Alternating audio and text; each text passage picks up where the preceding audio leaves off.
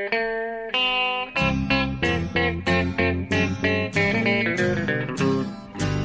out there, we're on the air. It's hockey night tonight. Tension grows, the whistle blows, and the puck goes down the ice. The goalie jumps and the players bump, and the fans all go insane. Someone roars, Bobby scores at the good old hockey game. Oh, the good old hockey game is the best game you can name. And the best game you can name is the good old hockey game. Hallå, hallå, hallå, hallå! Det är dags för NHL-podd igen. Det är det, nu är det den 126 i ordningen som jag sa förra veckan. Men inte ens jag håller, eh, kan hålla koll. Det är bara jag som bryr mig som sagt. Men det var 150 förra veckan, 126 nu. Och eh, ja, dags att hälsa välkommen till Per Bjurman i New York. Hur är läget? Tack, det är fint. Tänk att du missade den. Så det, 125 är ju ändå lite milstolpe. Ja, det, är- det är sant. Det är sant. Och den eh, hoppar jag vidare till 126 direkt. Ja, det, det är för dåligt. När det dessutom är min, eh, en av mina vi- viktigaste uppgifter här i vardagen. Liksom. Ja. Ja, vi får återkomma. 150 blir ju lite större då. Ja, det blir lite större. Då ska jag inte liksom hoppa över direkt. Nej, det är sant. Då blir det lite jubel. Alltså, ni får ursäkta kanske om, om, om, jag, om jag låter lite ekigt här. För jag sitter alltså på en balkong i... Eh, på en väldigt smal balkong. I Huntington Beach. Och, eh, för jag ville så gärna sitta här. Det är så soligt och, och fint att kolla ut över stranden. I Los Angeles. Eh, Huntington Beach, ja. Utanför Los Angeles. precis, det är, så ska man säga. Ja. Ligger det ovanför eller nedanför Santa Monica? Det är nedanför. Nedanför, Det är okej. nedanför. Ja. Det, det är ett riktigt... Jag ska inte påstå...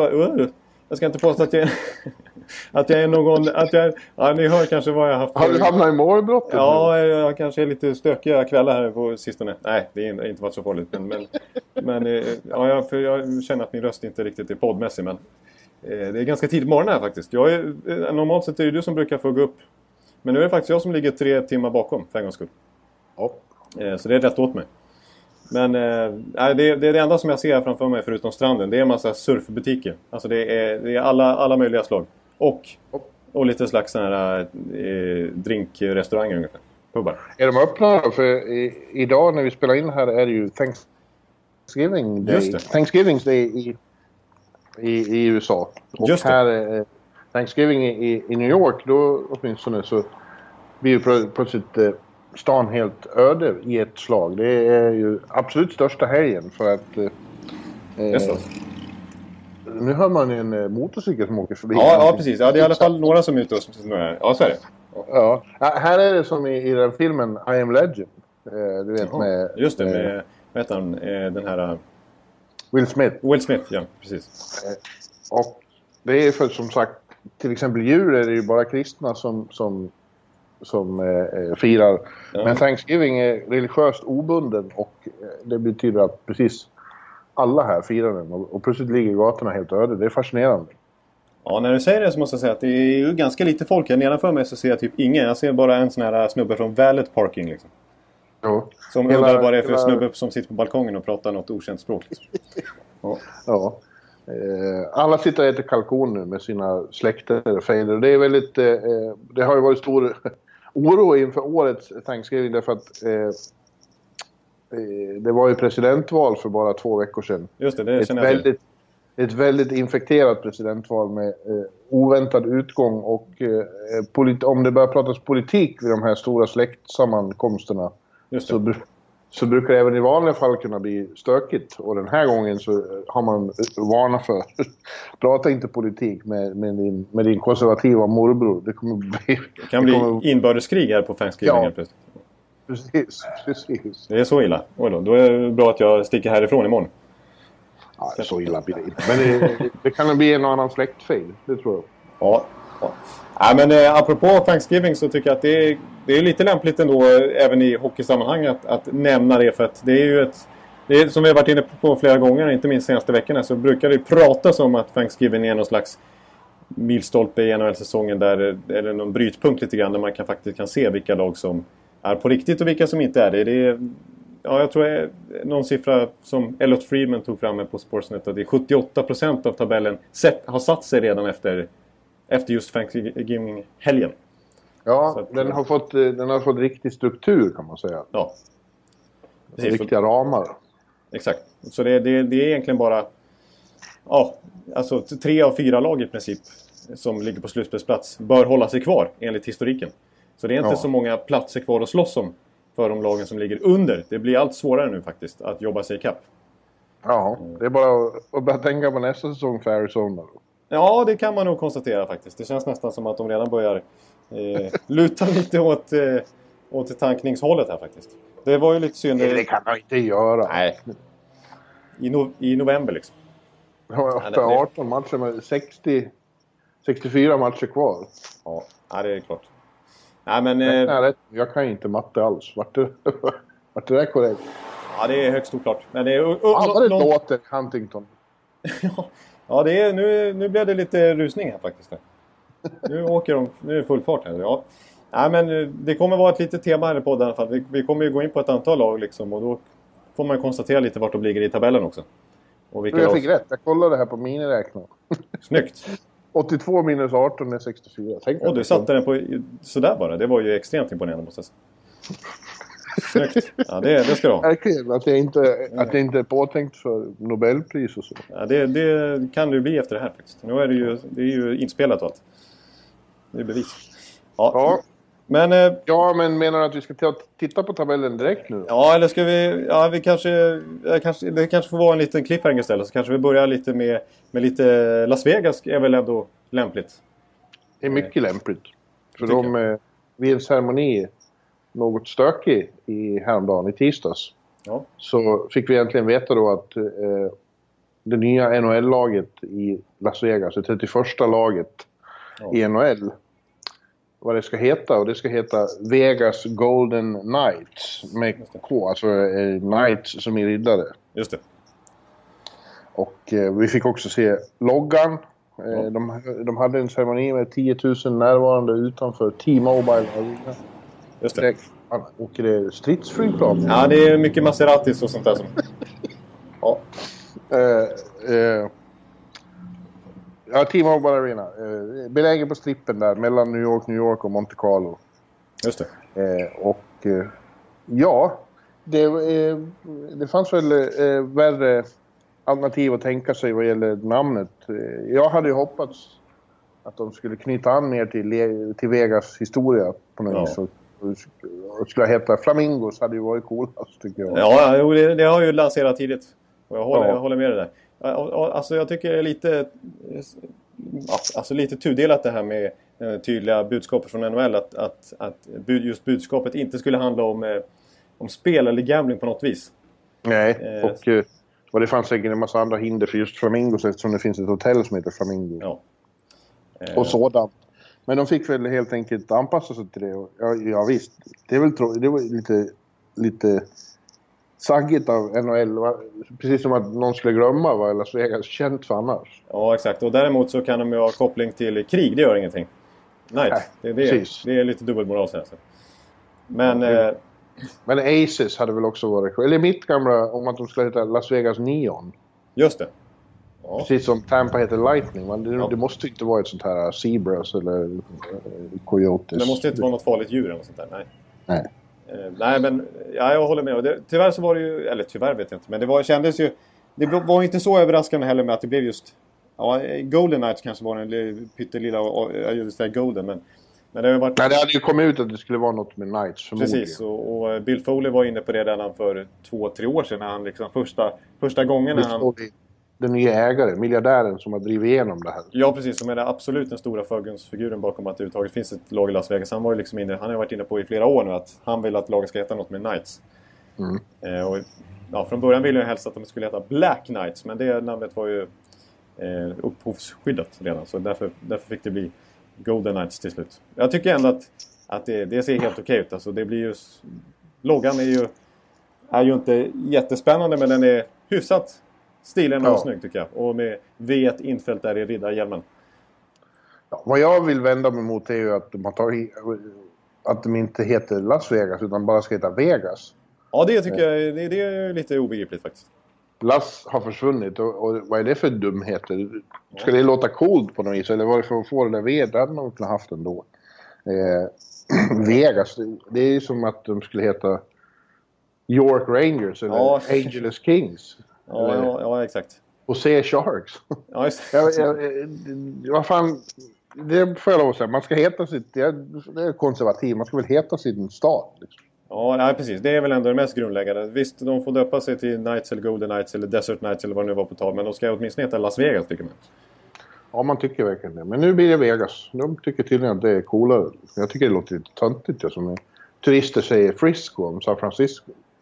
Nej, det går inte. Det går inte. Nej, jag håller med dig. Det är lite konservativ och, och liksom rationell och pragmatisk. Det tycker jag man ska vara.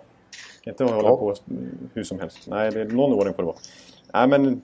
Ja, vi har varit inne lite på vilka spelare som till slut kan hamna i det här laget. Men det var ju lite intressant att se nu när folk har tagit sig lite tid och, och, och snickra ihop så, så kallade mock drafts för att se vilka spelare som skulle hamna i laget i så fall. Och Craig Button på TSN gjorde ju ett här om, ja, precis ja. innan där, där det eh, händelsevis var en väldigt mycket svenskar som man plockade ut. Ja, det var fem svenskar. Ja, fem, var... eller, fem eller... Ja, det var nog fem va? Fem var det. Eddie Läck, Jonas Brodin, Kalle Järnkrok, Jakob Silverberg och Johan Larsson. Just det, och fyra av dem är... var mix. Nej, det var han inte. Var han inte? Nej, det kanske jag Det tror jag inte. Nej. Men det var eh, extremt mycket svenskar i alla fall. Ja, fyra av dem har ju spelat Brynäs, så det skulle bli Brynäs Golden Knights. Ja, just det. Det blir ju verkligen... Eh, precis. Nej, men... Eh, och det var ju... Och det. Men Silverberg var ju du inne på framförallt. Ja, kanske ja. Järnkrok också. Ja, precis. Och, och Brodin har varit... Ja, alla men, ja, i alla fall Brodin, Järnkrok och Silver. Ja, precis. Så var vi, inne. vi var ju två avsnitt sen när vi, när vi verkligen gick igenom vilka svenska spelare som skulle kunna bli tillgängliga för Las Vegas. Och det är ju helt uppenbart att det är ganska många svenska spelare som hänger löst och som absolut skulle kunna bli tillgängliga. Som är i en bra ålder för Las Vegas att plocka. Ja. Eh, dessutom. Eh, men det är ju lite intressant att se som Button var inne på också, som andra, eh, när man har sett olika mockdrafts här, vilken taktik Las Vegas egentligen ska ha. Om de ska gå efter och försöka få ett så bra lag som möjligt nu. Att plocka spelare som till exempel Thomas Plekane som skulle kunna bli tillgänglig. Vi var faktiskt inne på att Henrik Zetterberg kanske, ja. kanske skulle kunna bli tillgänglig. Eh, det finns ju andra eh, rätt namnstarka spelare som, som, som hänger löst. Men, men frågan om de får ihop ett tillräckligt bra lag för att vara slagkraftiga direkt då ändå. Eller om det är bättre för dem att plocka lite mer talanger och så här, för att dels ha lite mer löneutrymme och dels kanske lite tradevärde i de spelarna och ha lite ännu större man manövreringsutrymme på sikt. För att det här laget kanske ändå inte kommer vara superstarkt direkt. Nej, men de vill ju inte... Och ena... Problemet med det är att det kommer vara svårt att plocka talanger, framförallt unga då, eftersom de är ju nästan alla skyddade. Just det. Eh, och eh, de är ju väldigt noga med, både de och NHL eh, är ju väldigt angelägna om att laget ska bli konkurrenskraftigt på en gång. Ja, de vill inte se det här som många expansionslag som det har tagit många, många år innan de ens tar sig till slutspel. Nej. Columbus till exempel. Ja, och eh, skräckexemplet är ju tydligen då Atlanta Thrashers. Just det. Som var usla i flera år. Ja. Slag på sig. Det, det, det, går inte, då, kommer man inte, då är det extremt svårt att etablera lager på marknaden när det är en icke-hockeymarknad. Om de, bara, om de bara får stryk hela tiden. Nej, det, är inget, det blir inget roligt att se. Då blir det verkligen bara borta supportrar där som ska gå och se ja. sitt lag. Och det blir en bortaresa liksom. Vad jag hörde igår var att åtminstone George McPhee, general manager, han är inne på att de går till slutspel första säsongen. Ja, det är så, så hög... Okej, okay, då låter det inte som att de ska direkt eh, inte satsa från start om man säger så. Nej, och, och det låter ju liksom övermaga, men han hade pekat på att de kommer att spela i Pacific. Mm. Eh, och varför skulle inte vi kunna eh, eh snika åt oss en plats i Pacific, där så lag är på väg neråt, flera stycken. Ja, och det, det ligger väl något i det? Det ligger något i det. Det är den svagaste divisionen. Ja. Så är det ju faktiskt. Eh, och ja, de kommer, de kommer dessutom ha lite fördelar i form av att eh, eh, ha eh, förtur att prata med free agents och sånt där också. Ja, och så kommer de att vara, det tror jag bestämt också i den vanliga draften sen som följer på expansion draft. Just det. Så är det bestämt att de är trea. Ja, det kanske är tre. Jag, jag är inte... De får måste... tredje valet. Det är så pass till och med. Ja, jag visste att de ska, att de ska vara ett högt lottery pick. Jag, trodde, jag trodde de skulle vara med i lottningen, men jag har inte läst på det. Så det är mycket möjligt att de ska vara tre. Prick. Jag tror det är sagt. Eller nej, nej de, de är de som får tredje bäst förutsättningar i lotteriet. Ja, ah, okej, okay, det är så. Okay. Så de kan... De kan, de kan okej, okay, jag förstår. Mm. Ja. ja, men så att det... Och det lär ju ge ett, ett rätt bra pick också. Så att visst, det, det, det är ju som många varit inne på. Just också eftersom att de är ett expansionslag som går in ensamt. Ofta har det varit två lag som kommer in samtidigt. Det gör ju också ja. att de får mycket bättre förutsättningar till att få ett bra lag. Nu, Nu tutar det. nu tutar det. Nu är det någon som har stulit en bil. Jag ser ju till och med live här. Han Wow. springer därifrån. Är det sant? Ja, men nu, nu slutar det plötsligt. Försökte han sno en bil? Det var nästan så att det såg väldigt, eh, väldigt stökigt ut det där. Det Ring polisen Det Jonathan. blev nästan lite... Det var några andra... Det är ju några fåtal till Thanksgiving-lirare som går runt här och, och tittar och ser vad som händer där Så- egentligen. Slå 911. Ja, det är på gränsen. Så nu försöker de lugna ner det här. Eh, ja, det verkar som att det är några andra som... Det där var, det där var stökigt. Det var mitt i podden alltså. Oj, oj, drama. Drama i. Huntington Beach. Ja, ja, ja, nu ser det lite bättre ut. Men det var, Jonathan Ekelivs eh, debutroman, en, en, eh, en shady Pulp Fiction-deckare som heter Drama i Huntington Beach. ja, den är inte så dålig. Den, tror jag på faktiskt direkt, som jag säger. Alltså. Sen har du en serie, alla kommer heta Drama i... Ja, Drama i det. San Jose, Drama i Kansas City, Ja, ja, ja, ja, ja, Drama i Borlänge, Usch! Drama i Örby. Drama i Örby, där har jag många stories på, på, på eh, lut. Den kan jag få till eh, enkelt. Nu har du en franchise. Det är så pass till och med, så jag kanske ska byta karriär. Ljudböcker. Ja. Nej men... eh, Ja men vi, vi lämnar väl Las Vegas där tycker jag. Ja, Eller? ja, låt mig bara säga att Ja. jag... Det kommer att bli mer och mer spännande ju närmare vi kommer. Liksom nu, nu har de fått en identitet. Nu väntar vi på först och främst ska de skaffa en coach tror jag. Precis, det har de ännu inte gjort. Nej, men det har inte varit någon större panik att ha en coach. Eller Nej, inte nej inte ens har ett spelare liksom. Nej. Och vem, vem som är fri på marknaden nu skulle vara eh, aktuell, tycker du? Tror du? Ja, jag tycker generellt sett... får de fråga assisterande i befintliga NHL-lag? Undrar man. Ja, det är frågan. För normalt sett har det ju varit regeln att man måste offra ett andra eller tredje val och sånt där i så fall. Om man ska prata med coacher under kontrakt. Jag vet inte riktigt hur den regeln... Jag för mig att de plockade bort den eller gjorde den lite mildare här om året. Men... Ja. eh, De kan inte bara ta in Bob Hartley bara för att han är ledig. Nej, precis. För det, det, namnen på marknaden är ju inte så sexiga ändå, faktiskt. Nej. Ehm, Så att, ja, jag kommer inte på något eh, namn ledig på marknaden så som är, känns jätteaktuellt. Det är i så fall några AHL-namn som, som det har ryktats om i somras i andra kl- NHL-klubbar som skulle kunna vara intressanta. Typ Travis Green i Vancouvers farmarlag som varit ett hett namn de senaste åren. Eh, jag vet inte, om det, där, där borde det vara enklare att kunna förhandla till sig. Leffe Borg. Leffe Bork. Nej men... nej men det... Ja.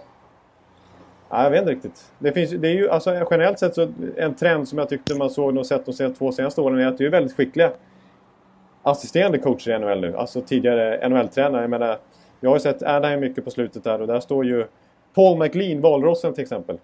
Ja. Eh, Vi har ju i St. Louis, det är deras lösning. Nu ska han ta över eh, Mike Joe här om nästa år. Men det är också en, en tränare som, som varit länge huvudcoach. Så vi har Todd Ja, Richards då i kan, Tampa de, Bay till kan de inte få ta Hitchcock då? När, han, eh, Ja, just det. när man ändå vet att han ska sluta. ja, ja. Det skulle ju kännas coolt på något vis. Eller coolt. Det skulle kännas bra tror jag för dem om det ändå var en profilerad coach. ja, precis. Inte någon, nej, det, det är klart att Travis Green är, till exempel är ett lite oskrivet blad att bara plocka upp sen. Man vill kanske, de kanske vill ha någon, dels som har lite rutin från NHL och dels som är ett namn. Ja. Ta Gretzky. Gretzky. ja. Eh, ja, eh, jag träffade ju Henrik Lundqvist igår, onsdag, innan, i, morgonvärmningen efter, innan matchen mot Pittsburgh. Och då sa jag det, att nu när de har fått ett namn så har du inte om, omprövat beslutet. Kan du inte säga upp din eh, no, no, Trade. no det. clause och klausul och, och, och flytta dit? Nej. Han, han flinade åt mig och sa att han trodde att jag skulle, jag skulle tänka om. Det är inte hälsosamt menar han för mig. Och sit, du kommer bara sitta vid något spelbord hela dagen. Alltså. ja, nej, det, han kanske har en poäng. Kanske har det. Ja.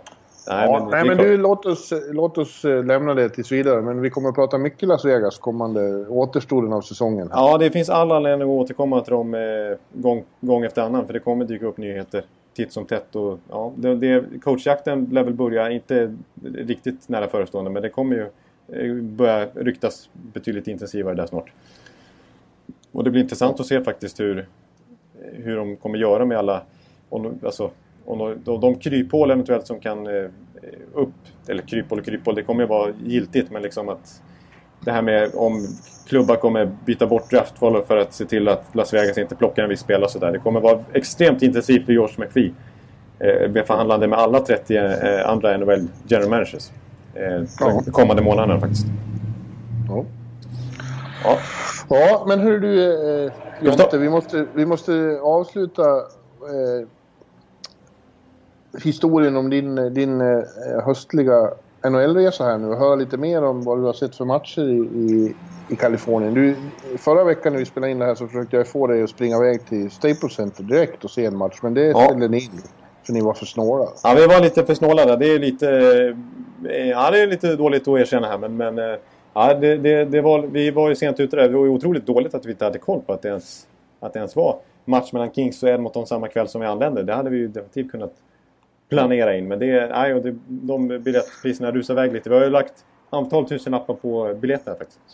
Ja, eh. men låt oss då istället titta på vilka matcher ni har sett. Och ja, vilka har sett. Det började faktiskt där förra helgen med Kings mot Devils.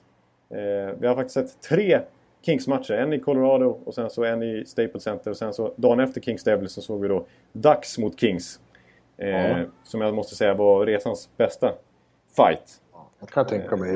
Eh, freeway freeway eh, derby. Ja, precis. Och eh, jag måste konstatera, alltså det var... Det, ja, jag är imponerad över NHL-intresset i stort här i, i, i Los Angeles. Alltså det är ju tokfullt. På, det var ju ett derby naturligtvis då, men det är ju tokfullt på alla matcher jag varit och sett och, och, bra tryck. Men inte minst då naturligtvis i det där derbyt. Och det märks ändå trots allt, vilket ju kanske är naturligt också, att Kings är, är det lag som har starkast fäste här. Alltså som har starkast support vill jag ändå påstå. De har ju funnits ja, längst också. De firar ju 50-årsjubileum. Och många här ute i Orange County har väl även haft, eh, ja, innan dags kom, hunnit eh, finnas sympatier för Kings.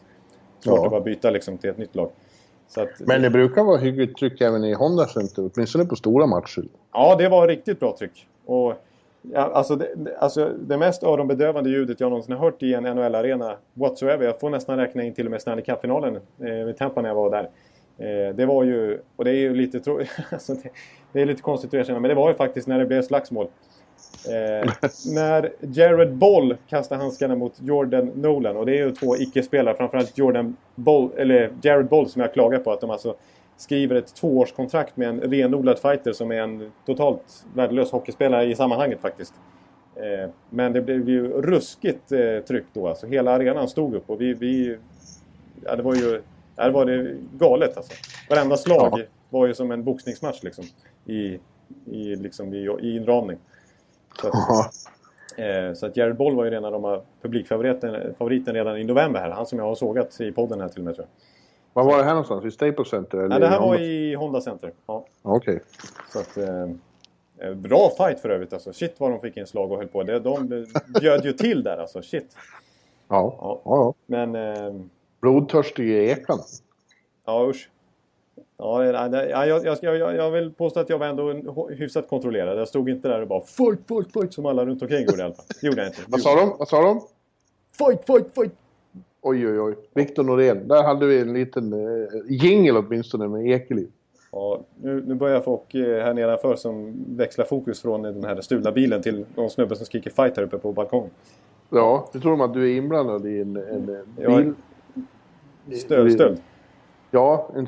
Det är du som arrangerar. Det är jag som står, sitter här uppe och precis håller i trådarna. Nej, nej, nu måste jag lugna bort mig. Nu tittar jag bort. Nu låtsas jag som ingenting. Bort mig. Ska du lugna bort dig? Jag ska lugna bort mig. Återigen ett uttryck som inte kommer ja. från någonstans. Ja. Nej, men eh, alltså... Vi pratade en hel del Kings förra veckan. Eh, när jag sett dem i Colorado där. Och, och de, sen dess har de ju faktiskt... Då förlorade de faktiskt. Men sen dess har de fyra raka segrar. Så att, och då, mm. Så att nu har de kommit, och nu är faktiskt Kopitar tillbaka på isen också. Så de har ju sett rätt bra ut. Jag kommer ihåg att jag hyllade Nick Dowd förra veckan, en liten doldis. Eh, som letat sig upp i topp 6 nu. Eh, som jag tycker sett mycket, mycket spännande ut, en late bloomer. Eh, men eh, jag är inne på att snacka lite mer dags. Om jag får. Ja, eh, för att de det är har, dags för det. Det är dags för det, ja precis. Klassiker. Nej men eh, alltså, jag tycker att det vi, alltså de, de är ju fortfarande bra i allra högsta grad. Och de är ju med i toppen där av en ganska svaga Pacific Division. Det är nödvändigtvis inte på grund av att de själva har ett otroligt record. De har ju haft en halv skakig inledning på säsongen vill jag påstå. Men de är, De är väldigt ojämna. väldigt ojämna, precis. De, de, kan, de förlorar och vinner om vartannat verkligen. Eh, Ja. Men våra farhågor om Randy Carlisle, hur han vill spela hockey. Det tycker jag är väldigt tydligt när man sitter och kollar på Dags. För att det här Ja. gamla, gamla stilen med att luta sig väldigt hårt mot, mot, mot sina toppspelare. Och sen ha en Jared Boll som spelar fyra minuter och går in och fightas. Det är ju extremt tydligt eh, i fallet Anaheim Ducks. Och Ja. anno 2016 här. Eh, Ja, jag såg dem ju lite här i, i trakterna i början av säsongen. Och, eh, ja, jag- jag tyckte det var bekräftat att det var ett felaktigt beslut att anlita Carlisle igen. Exakt. Och om man jämför med till exempel just Rangers eh, så... Där, där, är- där de har ju verkligen anammat den nya filosofin att ha fyra kedjor som levererar. Vilket Ja. gör att, eh, visst, nu, nu skulle jag påstå att Getzlaff-kedjan med Perry och, och Rakell som oftast får kliva in där eh, skulle, skulle såklart vara den bästa kedjan i Rangers. Men har de en liten off-night så har de inte så mycket annat där bakom. Visst, Silverberg och Kessler kan vara bra också. Nu kommer en stor motorcykelgäng här. Ja, det är ju fascinerande att sitta och lyssna på bakgrundsljudet. Ja, det är ju nästan det som är poddens eh, handling här. Men, eh, men om man jämför med Rangers, så de, de har ju råd med att två kedjor är lite svaga för de två andra som förhoppningsvis är heta. Och det har ju liksom hjälpt dem att de är så breda. Men i det här fallet blir det väldigt mycket att Getzlaff och Perry måste ha en bra kväll. Eh, alternativt Kessler, Silverberg, Cogliano. Eh, men har de inte det så är det väldigt tunt där bakom. Det, Men sen jag såg dem då här i början så har de ju fått eh, Rakell och Lindholm precis. Eh, in i, i lag. Och det måste ju ha stagat upp Ja. lite grann. Riktigt Jag tycker Rakell har sett väldigt bra ut. Han har sett otroligt bra ut faktiskt. Han har gjort sju mål på 11 matcher sedan han kom tillbaks. Eh, Ja. Var ju fantastisk i de här matcherna som jag har sett. Eh, där han egentligen faktiskt har... Carlisle har försökt jämna ut kedjan lite grann och spelat honom med Vermette i tredje kedjan. Eh, men det har i sin tur gjort att Petzle, Petzleff Getzleff och Perry har varit väldigt svaga ihop, ihop med Petzleff. Och har varit väldigt svaga ihop med, med, med Nick Ritchie, talangen som har fått chansen med dem. Och den kedjan har varit... Kan vi kalla honom. Ja, ja, nej, men, Ja, ja nej, men de, har, de har sett väldigt tunna och, och liksom inte alls kommit upp i nivå. Men eh, då har, de, då har han helt enkelt tvungits toppa och sätta upp Rakell där igen. Och då har de helt plötsligt varit den bästa kedjan på isen. Liksom. Eh, ja, nu hör du. Nu är det... Oj, oj, oj, oj, oj. vad fan sitter du på, Indi, på Det- det det Indiana, Indianapolis speedway? Eller Ja, det, här är, det här är känns som att man sitter på Daytona eller någonting. Ja, ja. Jag, jag tror faktiskt att jag väljer att eh, sk- skona lyssnarna här och gå in här. Det här var det värsta jag hört. Vad är det här för någon racingbana jag sitter i? Det Ja. börjar bli väldigt varmt här också. ja, nu rör sig. Nu, Ja, nu rör sig podden här. Den rör sig inåt. Det här är bra Det podd. aldrig- det här det är har bra podd känner jag. Nej, precis. Den, den rörande podden här. Det är poddhistoria. Och här var det den rörande podden. Nej, den rörliga. Skulle Rörliga, du ser det. Jag lyckas misslyckas med allting. En rörande podd, det hade ju varit mer att vi var Ja. liksom tagna. Att vi skulle sitta och gråta eller sånt där. Ja, just det. Ja, du ser. Jag är helt borta. Men visst blir det lugnare och skönare nu? Det här är en... Ja, jag tycker i och för sig det var lite kul, men det gick till överdrift på slutet. Ja, precis. Det kom någon eh, ruskigt stökigt motorcykelgäng där. Så det, var, det kändes nästan lite riskabelt att sitta där. Så att, eh, nu, nu gick jag in här. Det här var skönt. Och det var kallt också. Det var så otroligt varmt att sitta i solen. Men du, jag såg, för att faktiskt titta på häromkvällen, en match du var på var ju när Islanders var där. Just det. Och då, var det ju, då gjorde ju Rakell såg till att de fick en poäng i alla fall, för han gjorde ett sent mål. Mm. Kvitterade och sen satte han en jävligt snygg straff också. Ja, en riktig, lite Datsjuki-mässig nästan när han drog Ja. tillbaka den en liten toe drag nästan och sen riktigt sneaky la upp eh, pucken med en forehand eh, i nättaket där. Som, så, Jag fick rikt- se några straffar, det avgjordes ju först i 14 omgången. ja, det var helt eh, bisarr eh, straffläggning. Alltså, ja, precis. 14 omgången eh, först eh, fick det avgöras. Så killar som Kevin Bieksa och Jason Chimera och allt vad de heter. Johnny Boychuk fick lägga straffen. Ja, du Men- såg 28 straffar helt enkelt. Ja, precis. Och det var ganska många svaga. Det var, det, Raquel var liksom... eh, Men det var ju nästan värd entrépengen i alla fall. Måste säga. Men sen så var det framförallt en, en väldigt stökigt där som, som Anaheim Ducks inte alls var nöjda med och inte publiken runt omkring med. Eh, Det var ju den tolfte rundan som Thomas Hickey gjorde inom citationstecken mål. Det var ju eh, just väldigt omdiskuterat. De fick ju videogranska där för att han eh, såg ju riktigt... Det såg ju på reprisbilden ut som att han verkligen eh, redan hade skjutit och sen tryckte in pucken via målvaktsskydden liksom. Just det. Det har varit en lång granskning En också. lång granskning, så då fick man sitta i 10 minuter och vänta. Och sen så, trodde, och sen så var det lite konstigt också, för alla trodde att, att det hade dömts bort. målet. Så hela arenan tokjublade när det annonserades. För att eh, folk lyssnade inte ordentligt. Han sa ju No goalie interference. Men folk hörde bara No goal. Ja. Och sen så blev det ju världens antiklimax då när, eh, när det visade sig att det, att det var mål. Och sen så vann ju Islanders eh, kort senare också. Eh, så det var, det var en märklig, märklig match i allra högsta grad. Men det var kul, och, och, och, det var kul och, och överhuvudtaget med Rakell som du nämner och se de här Även Silverberg och inte minst Lindholm och se dem på nära håll. Eh, lite så här som nej, när man inte kollar på TV när man verkligen kan följa vissa spelare. Sådär. Eh, och just Lindholm var nog den jag... Även om Rakell har gjort mål i båda matcherna jag sett och sett väldigt pigg ut. Och fått liv i både Getzleff och Perry i båda matcherna. Så, eh, så vill jag påstå att jag är mest imponerad av... Alltså det mest underhållande har varit att se Lindholms försvarsspel. Det lät, lät lite som Lars Lagerbäck och sådär. Men, men att, att se honom eh, alltså hur extremt smart han är i defensiv zon. Både med och utan puck. Alltså i, i boxplay till exempel när han precis när han, när han liksom lurar lite som en kobra och liksom inte riktigt stöter från start. Och sen helt plötsligt hittar han läget att gå stenhårt ut på puckförande spelare. Och liksom stressar honom totalt. Och så oftast erövrar pucken eller åtminstone får motståndaren att fatta ett dåligt beslut. Eh, och sen när han väl har pucken så är han ju så ger han ju aldrig bort den utan han är ju extremt kall. Han, eh, och, liksom, alltså det och jag har även sett Dowdy på samma sätt i de här matcherna. Så de två sticker ut enormt mycket i, i det här moderna försvarsspelet. När det kommer ja. till att, att, att vara kall med pucken och, och läsa spelet och, och stressa i rätt tillfällen och sånt där. Och, och, verkligen hitta ett uppspel istället för att bara köra sarg ut. Liksom. Eh, däremot så, så har, det var några, det gnälldes runt omkring också på, på Lindholm med offensiv zon. Han gör ju inte så mycket poäng. Och, och han, där, han, är inte lika imponerande och fattar inte lika många bra beslut i offensiv zon. Han har inte samma instinkter där på något vis. Men i defensiv zon så är han extremt bra. Jag, jag blir sällan... Jag är ju ingen hockeymänniska på det sättet. Men, men till och med jag blir ju väldigt imponerad över att se hans beslutsfattande när det kommer till defensiva agerande. Och uppspel ja. Där är han riktigt, riktigt bra. Ja, det var ett klokt beslut att till slut skriva kontrakt med honom. Ja, precis. Det får man onekligen konstatera. För att han är ju deras bästa back, det är bara att konstatera. Även om Ken Fowler har gjort, varit poängstark här i början och Sami Vatanen är ju skicklig off offensivt han med. Så är ju Lindholm tycker jag deras, den som sticker ut. Så är det bara. Ja. Men nu har du sett klart eh, på livehockey ett tag, eller hur? Ni åker ja, hem nu? Ja, imorgon så, så är det dags att lyfta hemåt. Eh, på ett sätt, det, det, det, det som på ett sätt är skönt eh, med det jämfört. Det som är gött är att man verkligen kan se matcher på plats som man är här. Däremot så är man ju lite mer frånkopplad från andra matcher liksom. Man har ju så mycket annat att göra. Nu ska jag komma... På ett sätt blir det skönt att komma tillbaka i vardagen och kunna sitta uppe på nätterna igen och se allt. Ja. Tampa. Tampa till exempel, ja. Precis. De har haft eh, ovanligt svag koll på de här sista veckorna. Men det kanske var sunt för mig. Det går bra. Det går bra inte ja. minst för Victor Hedman som eh, ju nu faktiskt är med i fem, delar femteplats i backarnas poängliga och bara en poäng efter Erik. Så han utmanar Erik om titeln svensk poängkung bland backarna.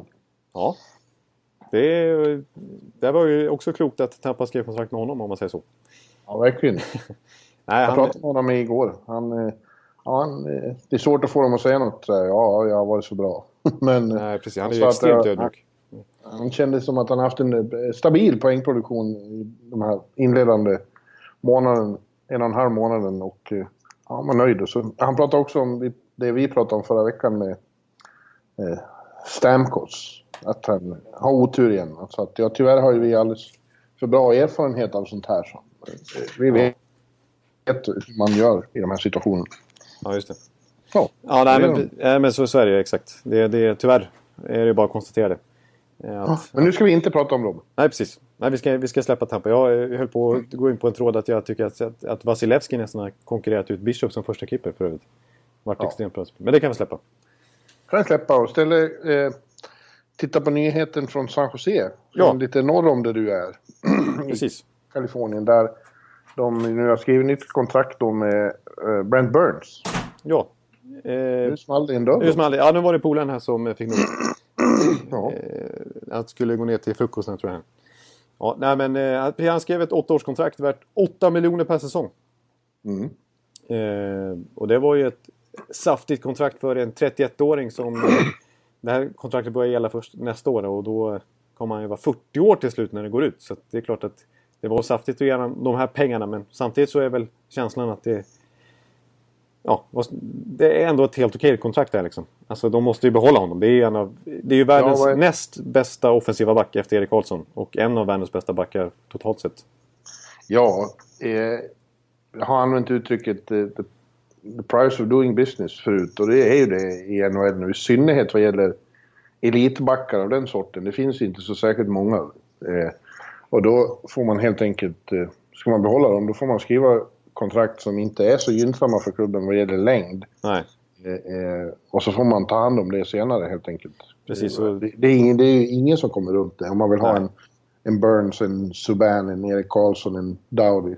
Precis, och det här har ju sipprat ner ännu lägre i hierarkin också med kontrakt som David Backes, Andrew Ladd, Frans Nielsen till exempel. Alltså längden är ju enorm på spelare som har passerat 30-årskontraktet. Men det är... 30 års ja. Ja, 30-årsåldern, förlåt. Det, de tror jag ju då är, är större fara med dem. För de... Ja. Eh, det är inte samma kvalitet. Bry, bryts ner ja, fortare. Och, och jag är inte samma kvalitet överhuvudtaget. Ja. Men Burns tycker jag inte... Jag tycker det är självklart att han får ett enormt kontrakt. Ja. Han är ju liksom en sån som skulle lyfta varje lag han kom till. Precis. Och dels att, i första hand det naturligtvis. För det, han är ju, som du säger, det är verkligen en kvalitetsback och, som, som, som, alla lag skulle vilja ha. Men också att han är ju en sån enorm profil också. Ja, alltså, det är kanske en av NHLs mest profilstarka spelare. Det är ju Subban-klass i princip. På hur han sticker ut utanför isen.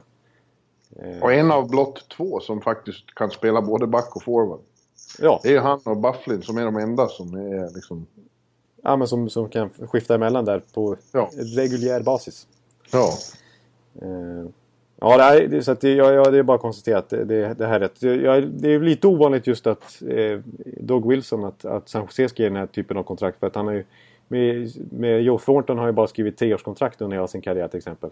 Eh, och med Pavelski och Couture har han sträckt sig till fem år som, som mest. Men nu blev det alltså ett åttaårskontrakt här för Burns. Men som sagt, så som tränarna sett ut senaste åren och med den kvalitet och extremt viktig han är för, för, klubben så måste de göra så här. Och till Wilsons och Sanchez försvar som kanske kan göra, göra lite lättare på sikt är ju att det är ju extremt, som man säger, front-loaded det här kontraktet. Att han får stora delar av pengarna, dels i sign signing bonusar men också i början, i början av kontraktstiden. Eh, vilket gör att, och han, han har inte en full no movement-klausul heller. Ja, okay. Så att eh, det kanske går att, att skeppa kontraktet eh, sista åren till något till, till någon begravningsplats för kontrakt. Till exempel som Eric Stone kan ha varit till exempel. Med ja, Pronger och, och sådär. Och Datsjuk. Men det här kommer ligan att försöka göra någonting åt. Ja, det, Nästa ja. CBA. Exakt, det här kommer ju gå ut efter att det CBA har skrivit så det är klart. Det kan, bli stulet. stulet. Ja, du, eh, apropå det, är det några fler nu som är så storstjärnor som eh, inte... vars kontrakt går ut? Ja, inte riktigt. Ja, det finns några stycken men generellt sett så, så vill jag påstå att eh, det har varit väldigt många kommande UFA som har skrivit på kontrakt här. Alltså, Hedman gjorde det ju direkt. Mm. Eh, vi hade Jamie Benn skulle ha varit restricted free agent nästa sommar här. Men det kom inte, han har ju förlängt. Eh, Brad Marchand skrev ju direkt efter World Cup. Så ja. det har varit ganska många som har skrivit tidigt här. Eh, där, det är lite tråkigt därför att det blir, inga, det blir aldrig några stora unrestricted kvar på fria marknaden. Nej, det börjar bli allt mer sällsynt. Det är väl de som har on top of mind här är väl till exempel Kevin Shattenkirk. Eh, vi har ju Ben Bishop. Eh, mm. Flurry. Flurry. Ja. Flurry. Är det så man ska säga? Eh, ja, oklart. Fleury. Ja. Alltså, när det kommer till fransk-kanadensiskt uttal så är jag helt eh, lost. Eh, ja. Nej, men... har Pittsburgh råd att göra sig av med. Eh, jag såg Matt Murray igår igen. Eh, och eh, så länge det var match mellan Rangers och Pittsburgh så var han fantastisk. Men sen så hade han väldigt lite att göra. Det gick 23 minuter mellan slutet av andra perioden och slutet av tredje utan att Rangers avlossade ett skott på mål. Det ser man inte ofta. Nej, det är inte, och inte just Rangers dessutom. Först i 16 och 15 in i tredje kom första skottet i den perioden. Ja, det är ju det är rätt bisarrt alltså. Ja, det kan man säga. Men jag såg, apropå det, så såg jag blev lite osäker på Fleury. Han har faktiskt kontrakt i två år till efter det. Ja, okej. Ja, Men, okej. eh, Men, det har i alla fall pratats om att han... Precis, i- i- ap- apropå Las Vegas så kommer de ju skydda Matt Murray. naturligtvis. Hey, I'm Ryan Reynolds. Recently, I asked Mint Mobile's legal team if big wireless companies are allowed to raise prices due to inflation. They said yes. And then when I asked if raising prices technically violates those onerous two year contracts, they said, What the f are you talking about, you insane Hollywood ass? F- So to recap, we're cutting the price of Mint Unlimited from $30 a month to just $15 a month. Give it a try at mintmobile.com slash switch. $45 upfront for three months plus taxes and fees. Promo rate for new customers for limited time. Unlimited more than 40 gigabytes per month. Slows. Full terms at mintmobile.com. Precis. Ja. Så är det. Men du, låt oss ta och titta på den här tabellen nu då. Ja, Eh, Som, som eh, enligt eh, Ekelivskolan nu har fått stadga. Ja. Ekeliv och eh, Elliot-skolan. ja. Precis. Elliot Friedman, du är Sveriges Elliot Friedman lite grann. Självutnämnda Elliot Friedman. Ja. Åtminstone. Och låt oss då titta på Eastern först. Man börjar alltid med Eastern, det blir ju så. Ja. det är Eh, kutym. Där har vi nu, om, bara rent rapportera då, så har vi... Eh, om man tittar på wildcard-tabellen kan vi väl göra eftersom den är Ja. intressantast. I Metropolitan är det eh, Rangers, Pittsburgh, Washington. Eh, som det alltid brukar se ut där Precis, inga konstigheter. 1, 2, 3. I Atlantic är det Montreal, Tampa, Ottawa. Mm. Och sen är wildcard-lagen Columbus och New Jersey. Och där är det de, de tre sistnämnda där. Ottawa, Columbus, New Jersey var väl inte vad vi hade trott kanske. Nej, verkligen Jag inte. hade inte trott Rangers heller i år, men... Eh, Nej, nej precis. Det är, där, där är det verk, verkligen oväntat. Eh, och där, och liksom, ja, ja, jag har en känsla av att alla de här tre lagen, tyvärr för deras del, det är väl de som är the teams to beat här att försöka komma förbi liksom. Eh, ja, det är ju trångt i kön bakom. Alltså Boston, eh, Florida, Philadelphia, Carolina. Carolina. Ja, de, är ju bara... Ja, det är tre poäng ner till, till Toronto på, på sjunde plats. Exakt, så det är väldigt tajt där ska vi visserligen säga då. Så det kan, den här 78%-regeln är lite hotad i år. Faktiskt. Ja, och Detroit och Buffalo är också på bara en poäng efter Toronto. Då. Så de som är lite, känns lite, lite avhängda, men det kan man inte säga redan. Men det är Islanders, och de har sex poäng upp, nej sju poäng upp till, till strecket. Precis. Och det är lite oroväckande att hamna så långt efter direkt. Ja, exakt. Och de har ju sågat nu gång vecka efter vecka här och det är väl bara att fortsätta nästan. Och även om jag såg dem vinna den här lite kontroversiella s- straffavgörandet så känns det som att det här inte alls är deras säsong. Det, det pikar, pekar neråt på många håll och, och kanter. Och vi har ju framförallt sågat Gart Snow som den stora arkitekten bakom detta förfall som vi sett i år. Ja. Detta snabba Ja. förfall. Men vad gäller tabellen, de, du sa det att du trodde att Ottawa och, och Columbus och Jersey går att komma kapp. Eh, jag är fortfarande inte hundraprocentigt övertygad, eller inte längre övertygad om att Rangers är så bra som det såg ut första månaden. Man har faktiskt konstaterat att, att de, de har fortsatt att göra en del mål och sådär. Men de har inte varit lika dominanta de sista veckorna i spelet. Nej, po- Possession-siffrorna är sämre nu. Eller, nu har de ju visserligen några skador också. Mika Zibanejad åkte på en fruktansvärd obehaglig skada här i, i förra Ja, veckan. Och blir borta åtta veckor. Ja, typ. Eh, och... Uh, ja, som du sa, de har gjort mål och så ändå, men mot Pittsburgh igår såg det ju bedrövligt ut då i Precis. slutet. Knappt en skott liksom. Nej. De, är mycket, de har varit mycket bättre och det ser mycket mer lovande ut på, på många punkter än, än vad jag trott före säsongen. Men det, det, det blir oftare mer likt förra säsongen. Så jag Ja. är inte hundra om dem. Nej. Eh, Pittsburgh Washington tror jag inte det är någon diskussion om att de kommer vara där uppe. Nej. Eh, Mo- Montreal Tampa också. Ja, nej, det vill jag påstå. Ottawa, intressant ändå. De har gjort det mycket bättre än väntat. Ja, det gäller ju Columbus och Jersey med. Ja, det är de, stora, de tre stora utropstecknen i Eastern. Eh, Ja. I allra högsta grad. Och vi har ju varit inne på dem titt som tätt all, allihopa. Eh, New Jersey tycker jag att... Eh, ja, de, de vann ju visserligen här senast men... Eh, en väldigt märklig match mot Toronto. som när de låg under med 3-0 och sen så vände de vann med 5-4 till slut. Men innan dess hade de fyra raka förluster och det märktes tydligt att deras offensiv tufsades till ordentligt när, inte de, när de inte har eh, Taylor Hall som ju kommer vara borta i ett par må någon månad till här till och med. Ja, men det är ett blue color-lag. Det är alla Ja. föreningar. Jag ska åka ut och se dem imorgon mot Detroit faktiskt i The Rock. Just det. Eh, och Detroit eh, känns ju... Ja, nu tog de... Pressade fram en straffvinst mot Buffalo i, i eh, går. Ja. Men eh, det har varit väldigt tungt för Detroit. Ja, vi kan stanna till lite på Detroit. Alltså för att nu är det, alltså min känsla, jag nästan att man kan slå fast det. För jag ser inte, även om jag har påstått att Ottawa, Columbus, New Jersey kan hänga lite löst och att det är lag som man kan gå förbi. Så, så håller jag ju Boston, Florida, Philadelphia, Carolina och till och med Toronto före Detroit.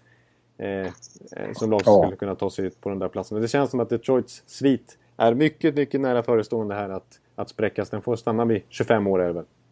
Ja, de har bakhalt. Det, det, det är för mycket som saknas där och för många som är past their prime. Ja, precis. Och för många unga som inte får det här lyftet. Liksom. Nej, kollar man på, bara på deras poängliga liksom, så ser man ju att det står tvärstill för vissa spelare. Alltså en sån som Riley Shahan som kändes jätteintressant för några år sedan. Han har gjort noll mål på 20 matcher. Ja. Eh, och jag tycker att ett, ett saftigt kontrakt de skickade upp i somras för Danny DeKaiser. De ville ju verkligen... De hade ju inte så mycket alternativ. De har ju lite dåligt ställ på backsidan där så de var väl tvungna att, att ge honom mycket pengar. Det var väl 5 miljoner dollar per säsong för att ens behålla honom. Och han är ju en, framförallt en defensiv spelare men har man de pengarna och bara gör tre poäng som han är på 20 matcher och är är liksom en icke-faktor offensivt och inte sådär extremt bra possessionmässigt heller direkt. Tvärtom. Eh, Då är, då är inte det ett bra kontrakt heller. Så det, det, och, nej. Och Dylan, till och med Dylan Larkin har ju varit ganska halvdålig. Ja. Så att, eh, Gustav Nyqvist gjorde sitt första mål på nästan en månad. På 14 matcher. Eh, Ja. Igår då mot Buffalo. Nu är han väldigt streaky då, så det skulle inte förvåna mig det minsta om han gör några till i New Jersey imorgon. nej. Eh, och då pratade jag även med honom och han sa att ja, det är som det. De har, det har inte varit något bra, men nu måste vi börja vinna matcher. Och så är det ju. Som sagt, det är Thanksgiving. Nu halkar man för långt efter, då blir det väldigt svårt. De har faktiskt levt lite grann på en väldigt oväntad grej. Det är att Jim Howard har petat Peter Mrazek som Ja, var det första riktigt bra. Extremt bra Jim Howard helt plötsligt. Så det är han som har räddat poäng åt dem faktiskt. Här. Ja, innan, innan igår, ja, inte för att de har kommit så hö högre upp nu, men det var mer anmärkningsvärt att de var näst sist i östra konferensen innan matchen mot Buffalo. Och, Alltså det var ju otänkbart för några år sedan att Detroit efter 20 matcher skulle vara nere där. Bottenträsklag liksom. Ett riktigt... Ja, sist i Atlantic till och med var de ju. Men å andra sidan, så, som vi sa förra säsongen, att det, eh, det kanske skulle vara en blessing in disguise för Detroit att, att få den här jävla sviten avklippt så de kan sluta fokusera på den. Ja. Och fokusera på att bygga ett slagkraftigt lag för slutspelet istället. Precis, och kanske för en gångs skull få ett högt draft-pick som de varit extremt icke bortskämda med här sista. Och i ja, alltid, alltid nästan i princip. Så Men av de som, har, som man tror mer på chans att snika in i slutspelet där, och Carolina har varit väldigt bra på slutet, av fem raka nu. Precis, Carolina tycker jag också är intressant att diskutera, verkligen. Och där har du också en målvakt som har överraskat enormt och det är ju Cam Ward har plötsligt blivit jättebra. Ja, precis. Som vi har totalt dömt ut eh, ett, ett antal gånger senaste säsongerna. Som vi var, i alla fall jag var frågande till att man förlängde med i somras. Det kändes lite märkligt att man med... Det var ju målvaktsspelet som fällde dem förra säsongen. Och så väljer man att ta tillbaka samma målvaktspar året efter när man har chansen att byta ut Ward. Men eh, nej, han har ju varit... Han är ju till och med utsedd till näst bästa... Det är vad säger man? Second star här om veckan. Och Ja. extremt facit här i november när han är 95% och släpper in en och en halv mål per match. Eh, Ja. Och vunnit, vunnit alla de här fem matcherna. Eh, Och eh, intressant överhuvudtaget när man spelar så bra defensivt. Jag, jag såg ju tendenser till det tyckte jag när jag var där och de Just det, spelade du har ju mot. Rangers. Mm. Eh, då var det som gjorde mest intryck på mig att de spelade så, framförallt i tredje perioden och de stängde matchen och spelade så tight defensivt. Och det har de gjort i de här, många av de här matcherna de har vunnit nu också. Det är inga dåliga lag de har slagit heller. Nej, nej, det är ju... Det är Montreal och San Jose och, och Washington och, och alla Ja, just det. möjliga. Och Nollat motståndarna och sådär. Ja, Extremt bra svit i boxplay sitter de ju på också. Jag tror Ja, just det. 23 raka boxplay, inte släppt in ett mål sedan 30 oktober. nej. ja, jag vill ju påpeka att det, eh, i, i vår förhandstips så hade jag dem som slutspelslag. Ja, det, vill, det, ska, du, det ska du få påpeka. De En och fas. eh, Buffalo var ju mina chansningar framförallt. i- Ja, Ja, jag hade ju precis, och jag hade Carolina utanför får jag erkänna. Däremot så vill jag påpeka att jag faktiskt hade Rangers. Att Ja, jag trodde lite på dem. Mm. Ja. Eh, Men, Men jag, eh, jag, det är många frågetecken där med Rangers. Även om det är lite imponerande att, eller inte så lite heller, att Michael Grabner, en sån kille, ja. får en på nytt födelse och har gjort 12 mål. Exakt, med skytteligatoppen i allra högsta grad. Det var ju... Ja, det är ju, det är ju faktiskt Crosby som leder skytteligan nu. Men... Ja, han gjorde två igår, uppe i 14 nu. Just det, vilket är imponerande med tanke på hur han började säsongen med hjärnskakning första veckorna. Ja, sen står Line, Ovechkin och Grabner på 12. Ja, just det. Ja, Grabner hade man ju inte räknat med att se där direkt. Nej, ja, det är ju... Det kändes som en riktig... De gick lite bananas där, Rangers. Jag har varit inne på det med, med alla de här Pirri och Grabner och eh, lite ja. sådär äh, riktiga utfyllnadsspelare som, som man kunde hitta som inte gick första juli utan som gick några dagar senare i princip. Alltså lite andrahandssorteringen.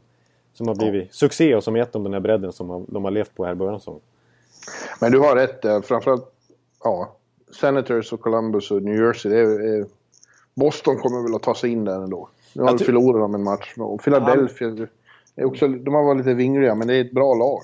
Ja, jag tycker Philadelphia har en hög högsta nivå. Alltså, de, är, de är svåra att förstå för att ibland så gör de några riktiga kanonmatcher och sen de är också sådär typiskt ojämna, lite som Anaheim var inne på också. Att de, det är verkligen varannan kväll, tycker jag. Det är ja. inte så mycket streaks, utan det är, det är titt som tätt. Liksom.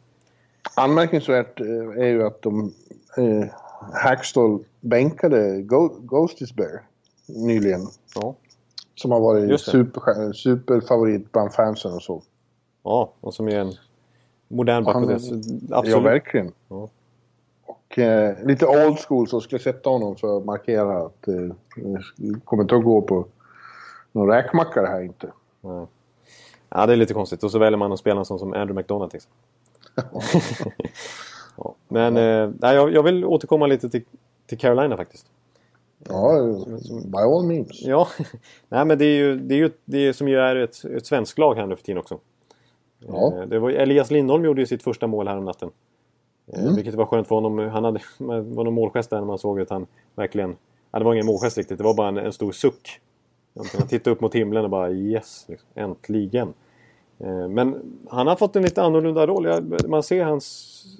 Hur han började säsongen så var det ju som offensiv första center ihop med Teravainen och Aho som skulle bli en extremt spännande kedja att följa. Men det, det gick ju inte något vidare bra för någon av dem. Och Lindholm, inte minst, som, som sagt mållös länge. Eh, och nu utflyttad till en kant istället. Men han har faktiskt, det är intressant med Lindholm är att han har ju riktigt bra possession-siffror. Betydligt bättre än till exempel Viktor Rask som ju har varit väldigt produktiva i början av säsongen. Mm. Och, och, eh, och dessutom så har ju, är ju han en riktig kugge i det här boxplayet också. Alltså, jag har ju sett Lindholm som en offensiv spelare. En, ja. en, en, poängproducent. Men han har ju varit, alltså han är ju del i, i, i ligans just nu bästa penalty kill som alltså ligger på 92%. Överlägset bäst i ligan. Så det tycker jag är lite intressant att se. att han verkar anpassat sig. Han verkar finna sig bättre som ytterforward. Det tror jag inte han själv vill erkänna. Men han kanske, nu, nu när han spelar ytter så, så ser det bättre ut. Han spelar faktiskt mer rask i andra kedjan nu. När Rask är sämst. Ja. Eh. Ja, men ja. Han är ju en begåvad man och eh, Bill Peters har väl, som är en, också en begåvad coach, ja. har väl som sett hur, eh, om inte det ena funkar så, så, så bra så går det att utnyttja den här talangen på andra sätt. Ja, det, det tycker jag är värt att understryka, just Bill Peters hockeykunnighet. För han, jag har stor respekt för honom alltså. Och han, brukar kunna, han brukar kunna sätta bra försvarsspel och bra boxplay och sådär. Och nu har de ju ändå varit rätt bra offensivt här också. Eh, Jeff Skinner har haft ett litet nyvaknande de senaste åren och blivit en riktig toppspelare igen. Och både Aho och Terveinen har varit helt okej okay här efter en liten trög start. Så båda börjar göra ganska mycket poäng. Och, ja. Eh, och sen tycker jag det är värt att lyfta fram också en sån som Jordan Stahl som jag tycker är, inte får så mycket cred.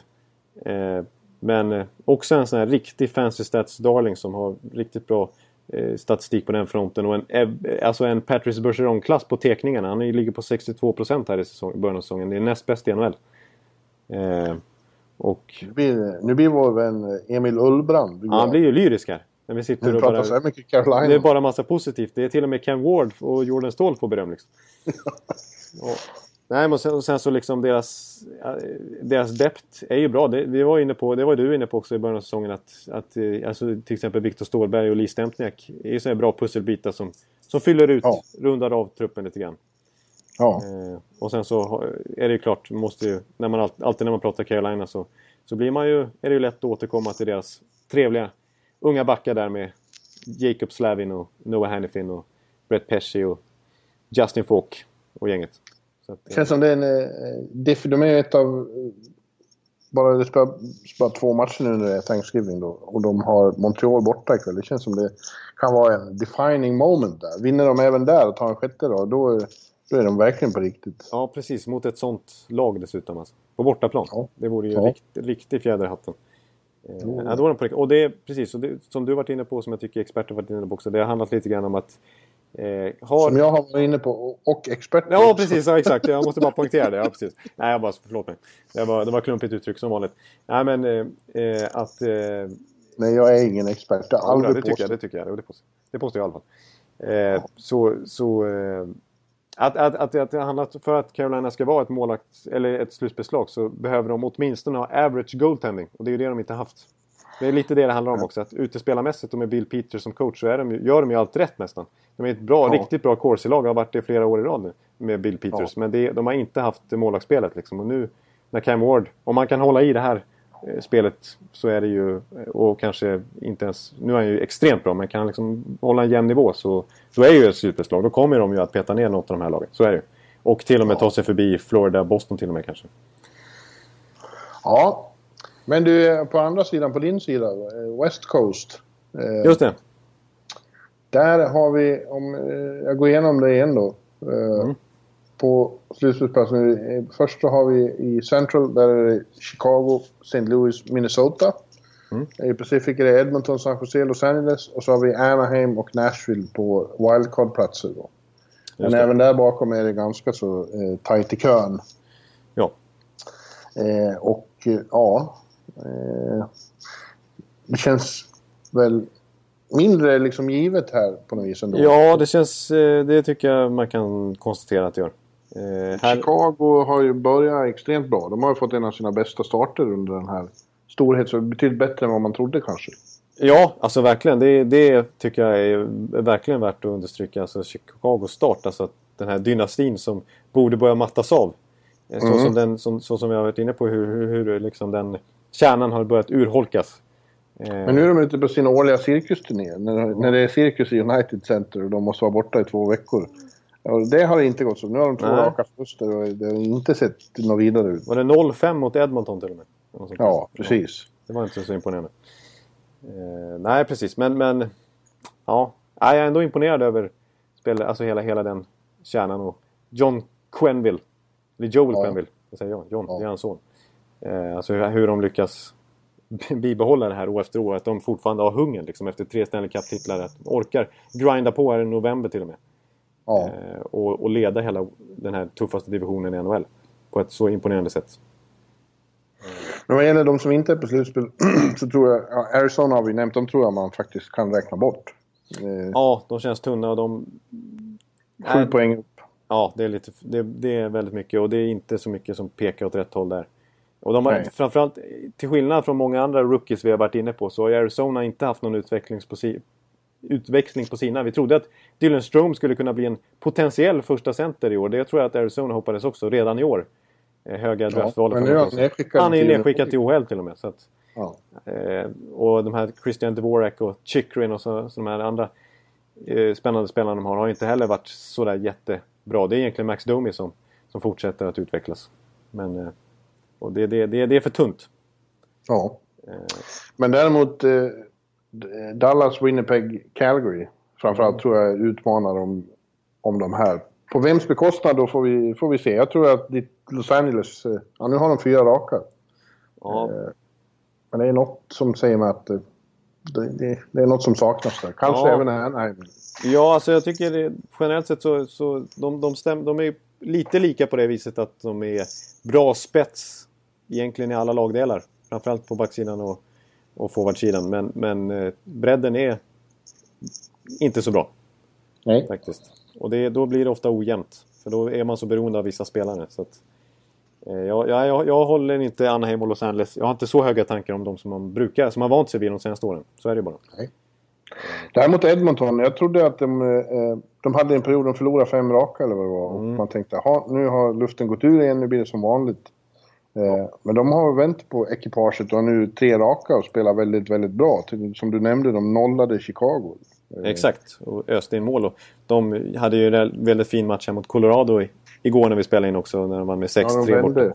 Precis. Ja, de låg under inför tredje och vände. Och Milan Lucic var fantastisk. Och Conor McDavid, Conor, Conor ja, McDavid. han, polaren där, som Ja. eh, alltså leder poängligan med tre poäng när vi spelar in där. Eh, Ja, det är både... jag sa ju det, det sa Ja, jag också förra ja. säsongen. De kommer att gå till slutspel och det tror jag fan. Nej, men alltså det, så är det, det. Jag är beredd att skriva under på det också. De, det som talar till deras fördel också är att de har ju bra possession-siffror nu, nu också. Som brukar vara en, en litet tecken, tecken på hållbarhet också. Ja. Eh, så att... Eh, ja, jag, tror, jag tror Edmonton i en svag Pacific så, så kommer det här räcka till att gå till slutspel åtminstone. Det, Ja. det, det, det, jag tycker nästan...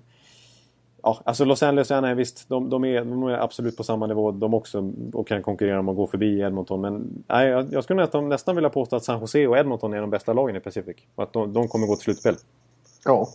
ja, jag håller med. För San Jose är ju ändå bra. Har också sett bra till och från. Ja. Ja. Igår pratade jag med Brodin eh, som ju, gjorde matchavgörande mot Winnipeg hemma. Ja. Och det låter väldigt positivt när man pratar med honom. Man är extremt nöjd med Boudreau och eh, Scott Stevens. Stevens. Jag har sett att han har berömt Stevens också en hel del. Alltså, Ja, han har gett dem en hel del tips. ett självförtroende av att spela för dem. Som man får så mycket stöd och de pratar med en och så. Just det, ja. Nej, men det, det kan nog ligga någonting i det. Och det är, det är ju bara återigen konstaterat. Vi har ju varit inne mycket på att vi har hög aktning även för Bruce Boudreau.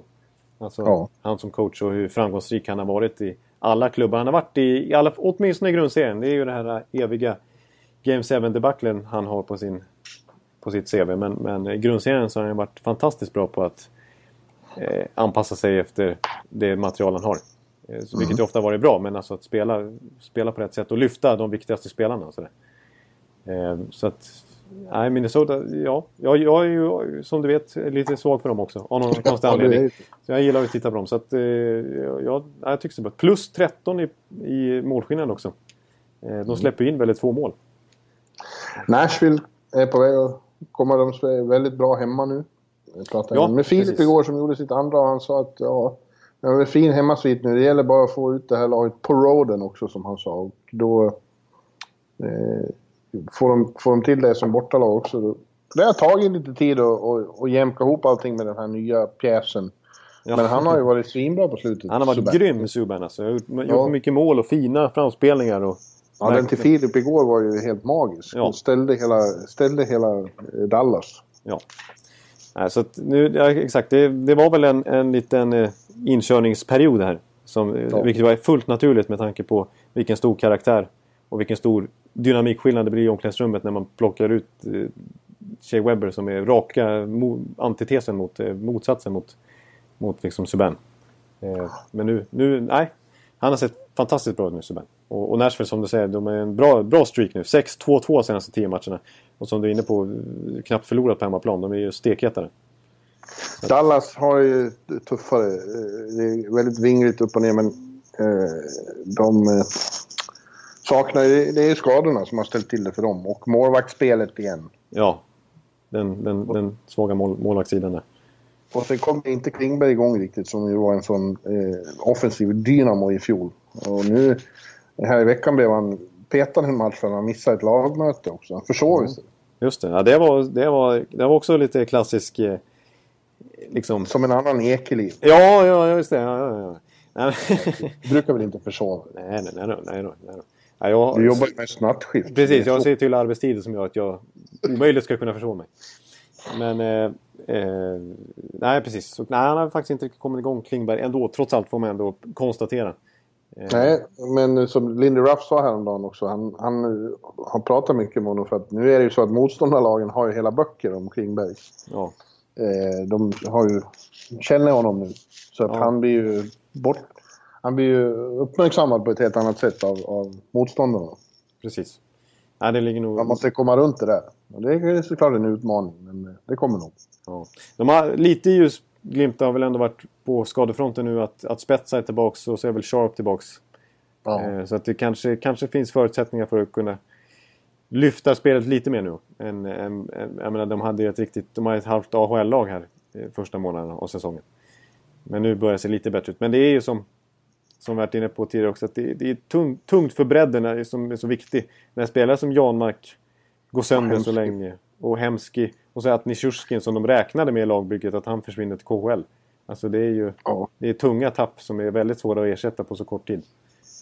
Men är som någon påpekade på Twitter, vi fick ju in vår vän Julius Honka nu i alla fall. Han har gjort sin debut. Ja, eh, då eh, får vi ju nästan ge en spontan applåd här. Äntligen! Ja. Poddfavoriten Julius Honka med namnet och med kvaliteten. Ja, Nu är det dags att, att, att etablera sig där som en toppspelare ihop med Klingberg. På backsidan. Det, det, det kräver vi och det tror vi på. Yes. Det kommer följa hans utveckling i podden. Ja, kommer vi. Ja, men hörru du. Är vi klara nu då? Ja, vi kanske, vi kanske får... eh, Vi kanske får nöja oss där helt enkelt. Ja, och har du något mer att säga så shoot away. Ja... Ja... ja ska- Winnipeg som du, eller du, som vi har varit så imponerade av. Nu har de fyra raka förluster. Just nu börjar prata om att de var så på riktigt och toppar alla, all statistik och så. Ja, det är som vanligt. Ja. Det, det, det vi säger den här veckan, det, det är säkert sens, sens sådär om ett par veckor också. Men jag tror att, nej, jag, jag tror på Winnipeg. De har precis, de har halkat ur. De, de var ju, ja, förra veckan vi pratade så var de väl tvåa i hela Western. Och nu ligger de Ja. alltså utanför slutspel. Det går så extremt snabbt. Men eh, jag tror på Winnipeg ändå. Det och jag tror, på, jag tror på mitt tips eh, att Pittsburgh vinner igen. Eh, Att de upprepar. Jag är stärkt i den uppfattningen efter sett dem igår. Eh, Nu var som sagt Rangers var riktigt dåliga, men, men eh, man såg glimtar av Pittsburghs eh, slutspelsspel igår. Och jävlar, när de, när de vill, alltså när de kör. Eh, det kommer att bli svårt att stoppa dem. Ja. Nej, jag, jag känner att jag har svårt att argumentera mot det. De, Mm. har, de, de, de, nej, de har ju verkligen lyckats behålla sin trupp och de verkar ha... Den där gnistan kommer börja glöda när det blir slutspels tidigare igen också. Så är det bara. Pittsburgh Nashville i final. Oj! Ja, jag, jag, jag håller tyst om tips. Ja. Men du, eh, Jonathan, då får jag önska dig och eh, lyssnarna Happy Thanksgiving. Mm. Och önska dig också en, en eh, trevlig avslutning på semestern och en safe flight hem över Atlanten. Ja, men så trevligt. Jag tackar så mycket. Tackar så mycket. Och, och du får ha så trevligt borta i New York också. Ja, tack. Eh, och jag, det ska, jag, jag får ursäkta lite ljudet här, framförallt i början av podden när jag var ute och snurrade på balkongen. Där. Det, var, det var stökigare än vad jag trodde. Det var ju drama till och med med, med motorcykelgäng och med bilstölder och grejer. Mm. Så att, eh, nu ska det bli skönt att gå ner till stranden förhoppningsvis koppla av lite. Sista dagen. Yes, man. Vi hörs eh, allihopa så blir det podd nästa vecka igen. Ja. Hej, hej! Hej hej! We are united.